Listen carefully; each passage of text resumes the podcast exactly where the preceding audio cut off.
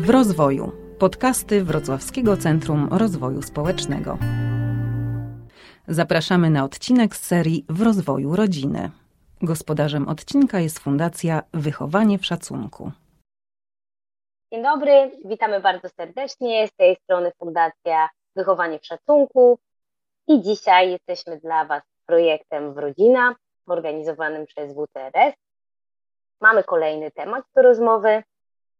Dzisiaj trochę poważnie, bo czasami to warto jest się pochylić też nad poważnymi tematami.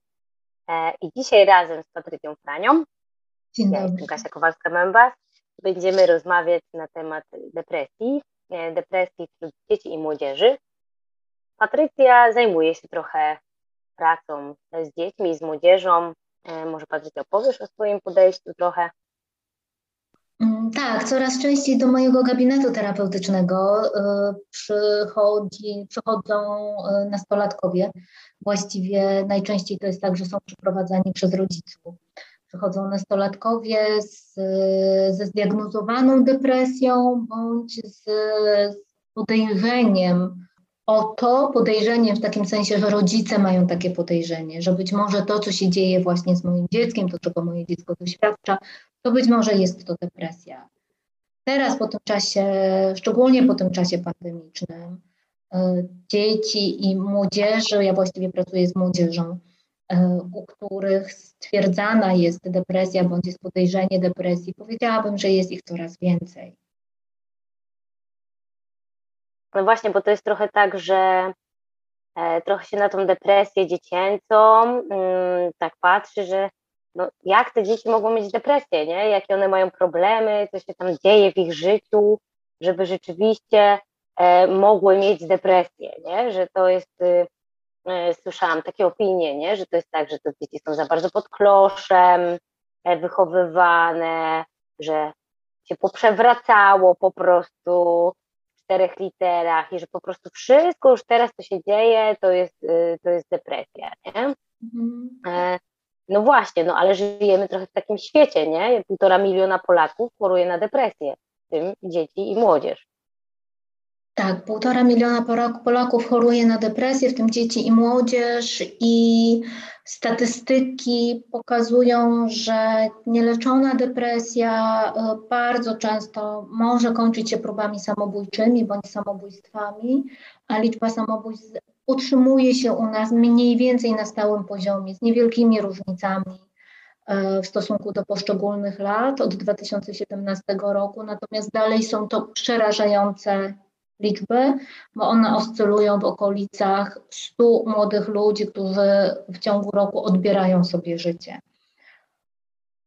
Wiesz co, powiedziałaś, por- poruszyłaś Kasia bardzo ważny temat, bo powiedziałaś o tym, że nasze dzieci często wychowywane są e, w takich warunkach, e, powiedziałabym cieplarnianych, w takich warunkach, w których mają wszystko.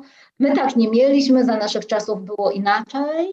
Ja mam taką prywatną koncepcję na temat y, depresji, która mówi o tym, że wobec wielu różnych czynników, które skłaniają się na to, że ktoś może zachorować na depresję, jednym z takich czynników może być brak równowagi. Taki brak równowagi, który mamy pomiędzy tym, y, no właśnie, czy jest czegoś za dużo, czy jest czegoś za mało. I za każdym razem, kiedy następuje ten brak równowagi, on może również y, oznaczać, że mamy czegoś za dużo. Nasz, y, nasza, na, nasz organizm w kontekście naszej fizyczności i naszej psychiki próbuje sobie z tym w jakiś sposób poradzić.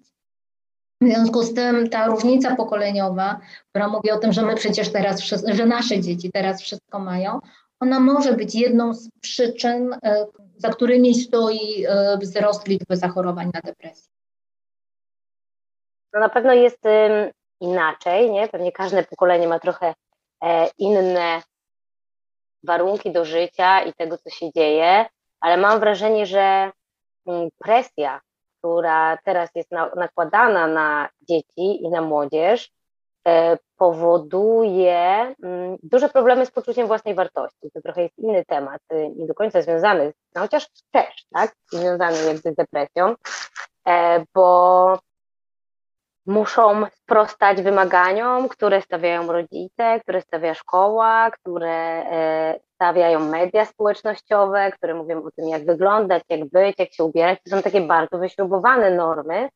E, I dlaczego właśnie często mówimy o tej depresji nastoletniej?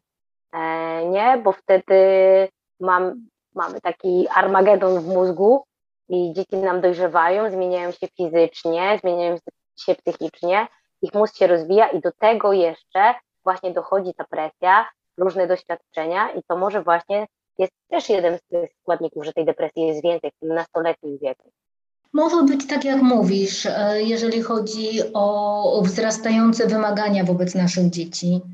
E, bo przecież chcielibyśmy dla naszych dzieci jak najlepiej, czyli żeby w przyszłym w momencie, kiedy będą dorosłe, żeby były szczęśliwe, część z nas ma pewnie tak, że nasze dzieci będą szczęśliwe wtedy, kiedy skończą dobrą szkołę, kiedy skończą dobre studia, kiedy będą mieć dobre wykształcenie. E, I to jest jeden, jedna strona medalu. Druga strona medalu mm, dla mnie jest taka, i z tym się też dosyć często spotykam w gabinecie, z jednym i z drugim podejściem rodziców spotykam się w gabinecie.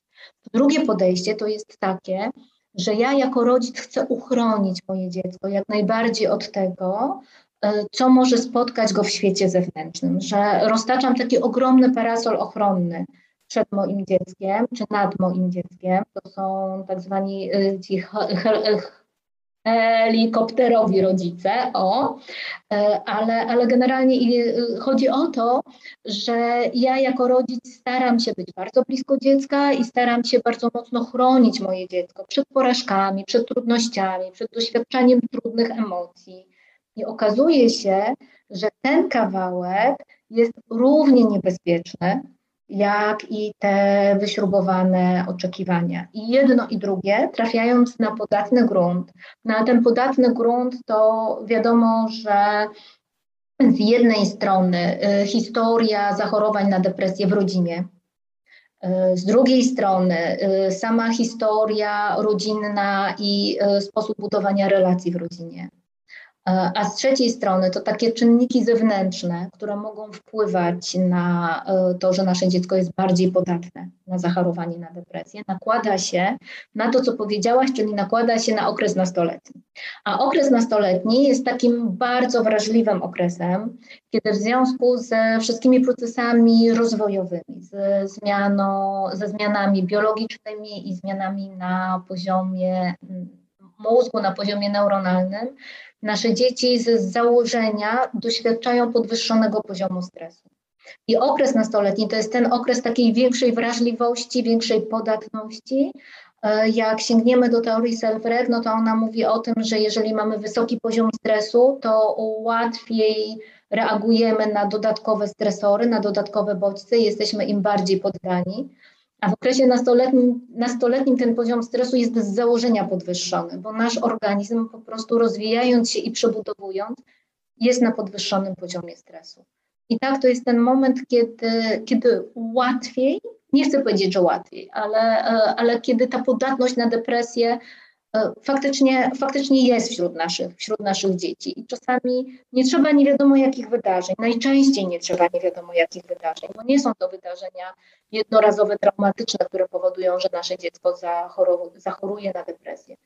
Zdecydowanie częściej są to bardzo takie długotrwałe, często delikatne i czasami wręcz niezauważalne mikrotraumy, które powodują, że nasze dziecko psychofizycznie staje się bardziej podatne na czynniki. Mm, są to takie mikrotraumy, które przez długi okres działając na nasze dziecko powodują, że ostatecznie może się to zakończyć depresją. Tymi mikrotraumami jest również nadmiarowość posiadania różnych rzeczy ja wracam tutaj do, do tej myśli o nadmiarowości, ale również są to te wyśrubowane oczekiwania ze strony rodziców. Jedno i drugie może, może wpływać na to, że nasze dziecko e, zachoruje na depresję, a my niezależnie od tego, jak bardzo byśmy się starali, żeby to nie nastąpiło, tak naprawdę nie mamy na to wpływu. No tak, no bo tutaj się okazuje, jak czytam badania, że tak naprawdę to trzeci nastolatek cierpi z, jakiegoś, z jakichś powodów depresyjnych, może powinniśmy jeszcze powiedzieć, że, że to, to jest tak naprawdę depresja, mm, nie? Czy to, to, jest, to jest stan chorobowy, który się przede wszystkim charakteryzuje takim długotrwałym obniżeniem nastroju, nie? I że e, to nie jest tak, że można się uśmiechnąć i po prostu, o, już uśmiechnij się, już się nie smuć i e, proszę bardzo, nie? I załatwiliśmy sprawę. Tylko co trzecie dziecko w Polsce, nastolatek, sorry, nie dziecko, tylko nastolatek, co trzeci nastolatek może cierpieć na depresję i tak myślę sobie, że może fajnie by było tu powiedzieć naszym słuchaczom, rodzicom, pedagogom, którzy nas słuchają, to może nas zaniepokoić, nie? Czyli to, jakie e, objawy mogą świadczyć już o tym, że to wiesz, że to nie jest dorastanie, tak? Czyli po prostu normalne życie z nastolatkiem pod jednym dachem, tylko że rzeczywiście coś zaczyna być za bardzo, nie? Że ja może powinienem się bardziej właśnie zastanowić, nie wypierać, nie tłumaczyć, że właśnie tak jest, no bo on jest nastolatkiem, tylko który kawałek właśnie już powinien mnie trochę zaniepokoić i skłonić do tego, żeby albo dziecko się bardziej przyjrzeć, albo w kolejnym etapie zabrać go na terapię, siebie na terapię, czy skorzystać z farmakologii. Ja mam poczucie, że my jako rodzice mamy bardzo dobrze rozwiniętą intuicję. E, I to jest dla mnie taki pierwszy kawałek, który potrzebuję podkreślić, czyli jeżeli ja jako rodzic mam jakąkolwiek myśl dotyczącą tego, że z moim, mojemu dziecku może zaczynać coś się dziać, że być może to, co się dzieje z moim dzieckiem, jest e, początkiem depresji, jest depresją, to blisko jest mi do tego, żeby pójść za tą intuicją i skorzystać z porady najlepiej e, lekarza, psychiatry dziecięcego, który może zdiagnozować, czy to, co się dzieje z naszym dzieckiem, depresją jest, czy też depresją nie jest. To jest moja pierwsza myśl. Druga myśl moja jest taka, że to, na co zwróciłaś uwagę, Kasia, czyli długotrwałość objawu, jest tutaj dosyć charakterystycznym czynnikiem, z tego względu, że same objawy depresyjne są bardzo zbliżone do tego, co przeżywa nasze dziecko w okresie dorastania. I dopiero długotrwałość tych objawów i jakby można powiedzieć ich nieustępliwość jest czymś, co może, co nas bardzo poważnie zaczyna niepokoić. Bo nasze dzieci zarówno te, które cierpią na depresję, jak i te, które nie cierpią na depresję. W okresie nastoletnim będą miały labilność emocjonalną, czyli będą wchodziły z nastroju takiego mocno pozytywnego, euforycznego, wręcz będą wchodziły w skrajnie smutne, przygnębiające nastroje i to, się, i to się może dziać, to się może zadziewać. To, co może być dla nas e, ba, takie niepokojące, to to, że z jednej strony nasze, u naszego dziecka ten okres e, czy długotrwałość nastrojów pesymistycznych jest wyjątkowo długa, a wcześniej było inaczej. Ale również to, co może nas niepokoić, to to, że stany euforyczne, których nasze dziecko wcześniej nie przeżywało tak bardzo mocno i intensywnie, że one również się mogą utrzymywać. Ponieważ czasami jest tak, że nasze dzieci przybierają różnego rodzaju maski zupełnie nieświadomie i swoje lęki, swoje y, trudności i swoje smutki e, chowają pod maską rozbawienia, pod maską wesołości, więc taka nadmiarowość w zachowaniach emocjonalnych, która utrzymuje się przez dłuższy czas i jest inna do tego, jak nasze dziecko wcześniej funkcjonowało, ona może być niepokojąca. Niepokojące mogą być wahania wagi.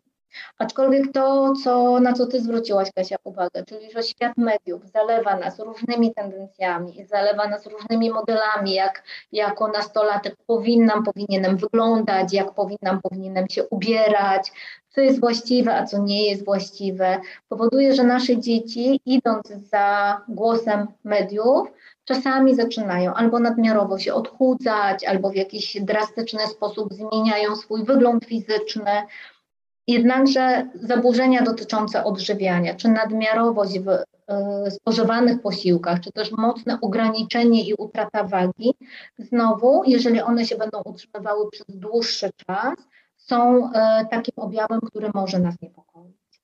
Y, kolejną rzeczą, która jest charakterystyczna dla zaburzeń depresyjnych, to, je, są, to są zachowania w obszarze snu.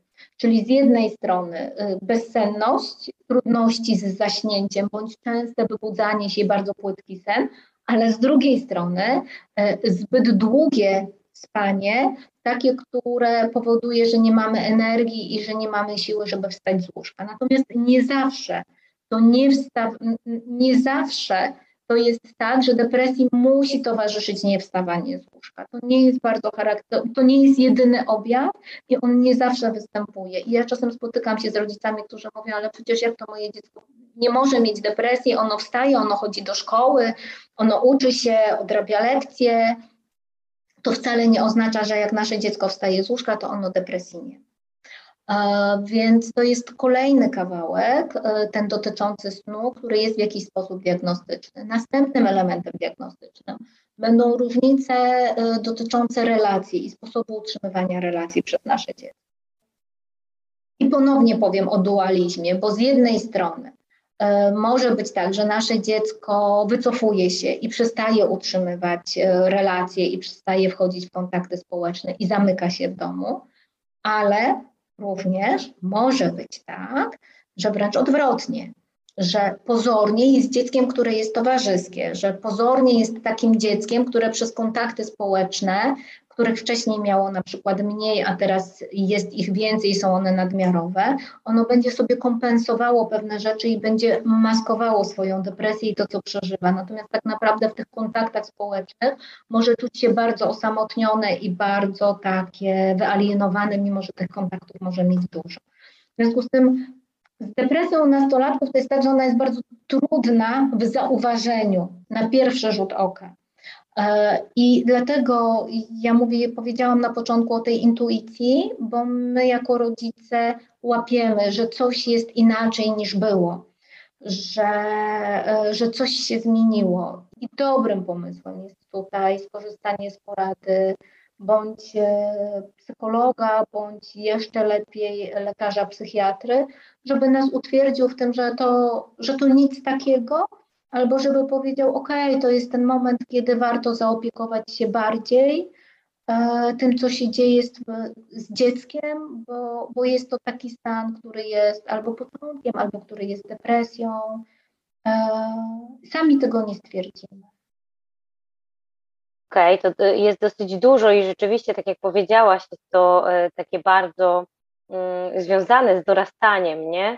Ale na pewno są jakieś takie mm, już grubsze sprawy, które e, mogą nas niepokoić i żebyśmy nie bagatelizowali takich rzeczy związanych e, z jakimś takim uczuciem ciągłego lęku, e, kiedy pojawiają się jakieś zachowania autoagresywne albo myśli samobójcze, nie? I jakby też myślę, że to jest już coś, co powinniśmy, że powinniśmy zacząć interweniować, nie? Że właśnie chyba to nie do końca zawsze jest tak, że mamy czekać na to, że dziecko do nas przyjdzie i poprosi o pomoc, bo mi jest bliskie traktowanie depresji jako jakiejś takiej choroby, e, żeby podchodzić do niej tak, jak do choroby, nie wiem, jak za, mam zapalenie płuc i moje dziecko ma zapalenie płuc, to ja się nie zastanawiam, czy ojej, czy to już jest ten moment, czy ono już ma taki kaszel i tak, taką gorączkę, że ja już powinnam skorzystać z porady lekarza, czy jeszcze nie nie? Więc tak mi się wydaje, że często tak e, pokutuje takie nastawienie, że a może on jeszcze sam z tego wyjdzie, nie? Że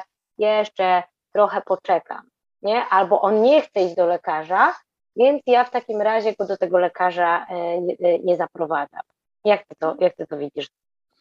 Bardzo bliskie jest mi to, co powiedziałaś, i tak samo dla mnie traktowanie depresji jako choroby i tego, że jak mamy gorączkę, to nie czekamy i nie zastanawiamy się, czy pójść z dzieckiem do lekarza, czy też nie tylko idziemy z nim do lekarza. Takie traktowanie depresji jest, jest również mi bardzo bliskie. Przy czym, a, przy czym z jednej strony pojawia się pytanie, jak 16, 15, 16, 17 latka albo latkę przekonać do tego, że potrzebuje skorzystać z pomocy psychiatry. E, I to jest jeden problem, który bywa trudny do rozwiązania i na którego i nie ma jednej odpowiedzi, jak to zrobić, żeby przekonać dziecko, że ono potrzebuje skorzystać e, z, z wizyty u psychiatry, czy też, że potrzebuje skorzystać z psychoterapii. I to jest jeden kawałek. Natomiast drugi kawałek to jest ten, e, który, o którym powiedziałaś Kasia, mówiąc o zachowaniach autoagresywnych, mówiąc o e, przeogromnych lękach albo o totalnym wycofaniu się naszego dziecka z życia społecznego. E, ja myślę, że to już jest taki moment, kiedy jest bardzo źle. Dlatego, dlatego bliskie jest mi to, że kiedy mamy jakąkolwiek intuicję, która nam mówi, że coś jest nie tak, to to jest dobry moment, żeby, żeby starać się i próbować skorzystać z, z porady, z porady specjalisty, mm, bo, bo w tych sytuacjach, o których Ty powiedziałaś, że nasze dzieci mają myśli samobójcze, że nasze dzieci podejmują zachowania autoagresywne, to, to już jest późno. To oczywiście nie znaczy, że wtedy już nie i że nie ma szansy, tylko to już jest późno. I to jest jeden kawałek. A drugi kawałek to jest taki, że bliskie jest mi zadanie sobie pytania, a skąd ja w ogóle wiem, czy ja w ogóle wiem, że moje dziecko ma myśli samobójcze? Czy ja w ogóle wiem, że ma zachowania auto, autodestrukcyjne czy autoagresywne? Bo tak naprawdę my bardzo często tego po prostu nie wiemy. I to, co jest charakterystyczne dla naszych dzieci, i jestem mocno przekonana, że dla ogromnej większości naszych dzieci jest to charakterystyczne, to to, że nasze dzieci, chcąc nas ochronić przed y, poczuciem trudności, przed y, poczuciem, że na naszą głowę może się może, może spaść coś bardzo ogromnego, nasze dzieci bardzo często nam nie mówią, co się z nimi dzieje. E, I bardzo często jest tak, że nasze dzieci mają myśli samobójcze, a my niezależnie od tego, jakbyśmy byli blisko naszych dzieci, możemy o tym nie wiedzieć. A nawet kiedy jesteśmy bardzo blisko naszych dzieci, to wręcz możemy o tym nie wiedzieć, bo nasze dzieci nie chcą nam robić trudności, nie chcą nam przysparzać dodatkowych problemów, E, właśnie przez pryzmat tego, że jesteśmy blisko i że mamy bardzo dobrą relację. No bo jeżeli mamy bardzo dobrą relację, jeżeli jesteśmy bardzo blisko naszych dzieci, to jak to się mogło zadziać, że ja mam myśli samobójcze? Ja jako nastolatek mam myśli samobójcze, a mam taką dobrą relację z moim rodzicem. To przecież ja mu nie powiem o tym, że mam myśli samobójcze, bo jaką ja mu zrobię przykrość i jaką ja mu zrobię trudność. I myślę sobie o tym, że nasze dzieci również roztaczają parasol ochronny nad nami, dorosłymi. I jest tak, że my, będąc blisko naszych dzieci, możemy pewnych rzeczy nie wiedzieć, możemy pewnych rzeczy nie widzieć, bo nasze dzieciaki się bardzo dobrze maskują.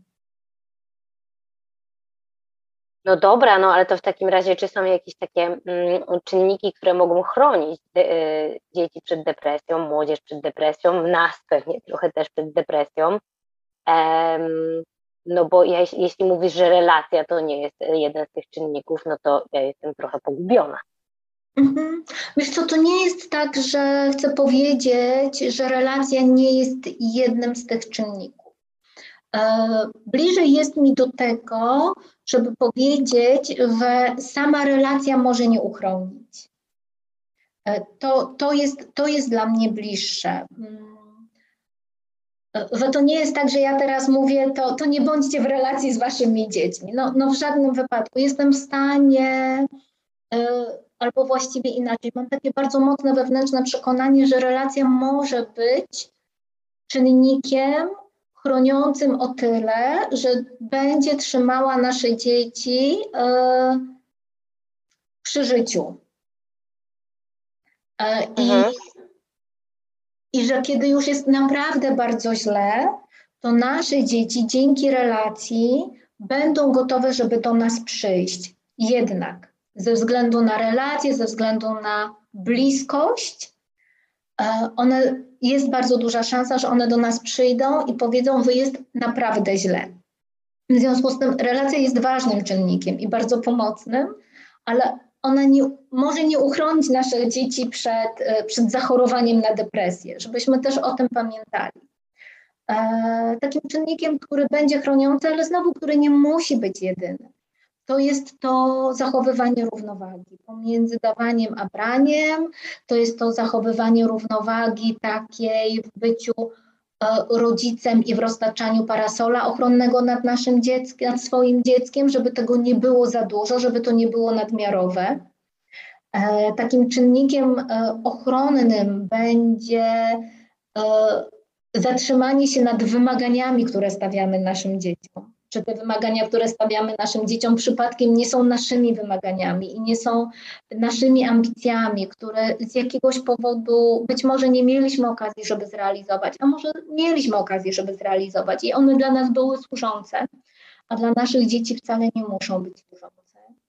E, takim kolejnym czynnikiem e, będzie ten kawałek, który, który jest Twoim kawałkiem, Kasia, i w którym uważam, że Ty jesteś dobrym specjalistą, czyli e, zadbanie o dobrostan i, i, zabranie, i zadbanie o taką wewnętrzną równowagę z poziomu uważności, z poziomu pielęgnowania takiego, takiej cudzie, takiego codziennego BHP psychicznego. E, żeby o tym na co dzień pamiętać, żeby, żeby szukać tych momentów znajdowania się i wchodzenia w tak zwaną zieloną strefę, czyli taką, gdzie się czujemy zrelaksowani, gdzie nasz układ nerwowy odpoczywa albo jest gotowy do swobodnej pracy bez stresu i bez napięcia. I bardzo jest mi też to bliskie, czyli pamiętanie o tym, że fajnie, żeby nasze dzieciaki miały różnorodność. Jak komputer, to również wyjście na dwór, E, jak nauka, to również czas wolny dla siebie, żeby, żeby znaleźć też takie sposoby, gdzie nasze dzieci odpoczywają i e, gdzie nasze dzieci redukują swój poziom stresu. To jest też dla mnie taki czynnik chroniący, ale po to, żeby nasze dzieci się tego nauczyły, to potrzebujemy się tego najpierw nauczyć my sami. I... Takie budowanie odporności psychicznej, nie? Albo tak. inaczej rezyliencji tak? Czyli najpierw mamy tą odporność psychiczną i jesteśmy też w stanie zadziałać, nie? I to jest trochę tak, że przyjmujemy te emocje, które wszystkie przychodzą e, i wiemy, co z tym później dalej zrobić, nie? Bo często ostatnio miałyśmy wykład i mówiłyśmy o tym, że wszystkie emocje są ważne i potrzebne i pierwszy kawałek to jest ich przyjęcie, a potem jakby doświadczenie tego, że one są, przeżycie i potem zareagowanie, to mi się też wydaje, że em, nie zawsze mamy zgodę na to, żeby nasze dzieci przeżywały trudne emocje. To wiąże się z tym, e, że one się gdzieś w tym ciele odkładają, nie? Czyli jeśli, tak jak ty mówiłaś o mikrotraumach, to mamy też jeszcze właśnie emocje, które tam zostają, e, niewyrażone, niewypowiedziane, e, niezaopiekowane.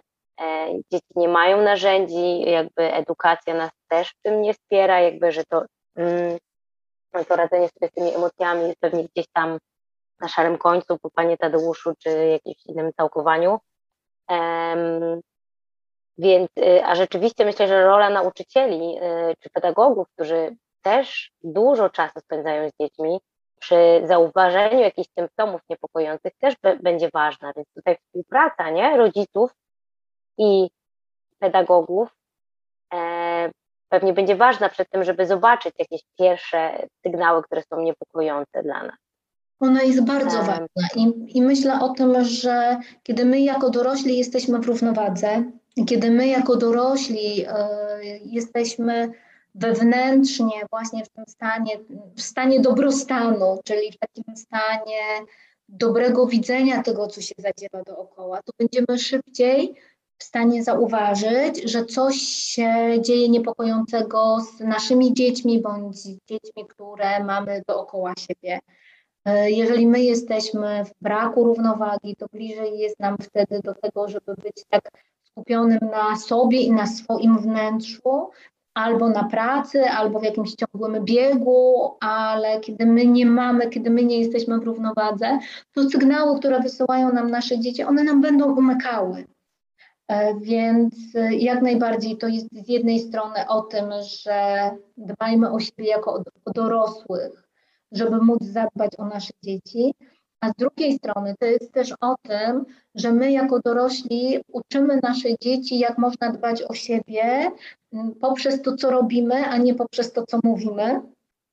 I znowu blisko mi jest do tego, że to jest Twój kawałek też, który, który robisz na warsztatach z uważności, e, kiedy przez pracę z samym sobą uczymy się też, jak pomagać dzieciakom, że staje się to pewnego rodzaju stylem życia, taką codziennością, a nie tylko tym, co wyczytaliśmy w książkach i o czym opowiadamy, że jest takie piękne i wartościowe, bo nasze dzieci nie uczą się z tego, co my mówimy, tylko uczą się przez obserwacje i przez to, jak my działamy, więc one kopiują nasze wzorce zachowania, mm, nasz styl, naszą kulturę, przez to, jak robimy, a nie przez to, co do nich, co do nich mówimy i co im opowiadamy. Tak na koniec jeszcze bym chciała chyba wspomnieć o tym, żeby właśnie e, jeśli zauważycie, jeśli macie taki przypadek depresji y, w rodzinie, u siebie, wśród swoich dzieci albo bliskich znajomych, to żeby też zadbać i zatroszczyć się o siebie e, w takim kawałku, że zadbacie o dziecko, skierujecie je na terapię, to też za, zadbajcie o siebie, żeby pozbyć się na przykład wyrzutów sumienia, um, takich, takich trudności i może będzie potrzebna terapia rodzinna, więc też jakby tutaj sobie pozwolić, nie, na to wsparcie jakby takie całościowe e, i jest taki e, telefon zaufania, z którego możecie skorzystać, to jest, jest telefon zaufania dla dzieci i młodzieży jest 24 e, godziny na dobę, 7 dni w tygodniu, to jest 116, 111, a dla osób dorosłych można niestety tylko od poniedziałku do piątku, między 14 a 22 e, korzystać, to jest 116, 123.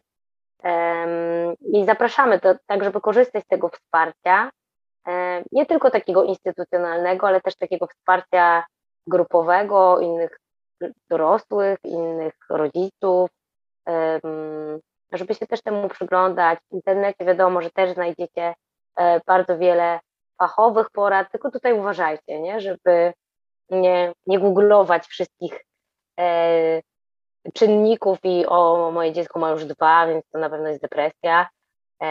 Więc e, też taką intuicją, jak ty Patrycja to, o, o tym powiedziałaś. Dzięki Kasia, ja na podsumowanie powiem, że tak, że bardzo ważne jest to, żebyśmy jako, my jako dorośli też zadbali o siebie w sytuacji, kiedy nasze dzieci doświadczają depresji, bo one potrzebują obok siebie stabilnego dorosłego. I kiedy my będziemy w rozsypce, to nie będziemy w stanie pomóc naszym dzieciakom. I w tym wszystkim jest jeszcze jeden kawałek. To jest to, jak my rodzinnie traktujemy jakie mamy przekonania dotyczące e, leczenia psychiatrycznego albo też korzystania z psychoterapii, bo naszym dzieciom będzie łatwiej, kiedy zobaczą, że my też sięgamy po takie wsparcie, a nie e, wysyłamy tylko, tylko nasze dzieci, bo wtedy trudno je będzie przekonać, że to jest coś wartościowego, pomocnego, to jest o tym zaprowadzaniu dzieci do, do lekarza psychiatra albo do psychoterapeuty. Kiedy nasze dzieciaki zobaczą, że my też z takiego wsparcia korzystamy, to na pewno będzie im łatwiej oswoić się z taką myślą, że okej, okay, ja też mogę po taką pomoc sięgnąć. No dobrze, mam nadzieję, że trochę żeśmy tutaj rozjaśniły, coś opowiedziały i zapraszamy też do kontaktu. Mm, możecie nas znaleźć na wychowaniewszatunku.pl. Dziękuję. Zapraszam razem z Tobą. Do zobaczenia. Dziękujemy za wysłuchanie podcastu i do usłyszenia w kolejnych odcinkach. Podcastów w rozwoju możecie słuchać na ośmiu platformach, w tym Spotify, Anchor, Google Podcast i Castbox.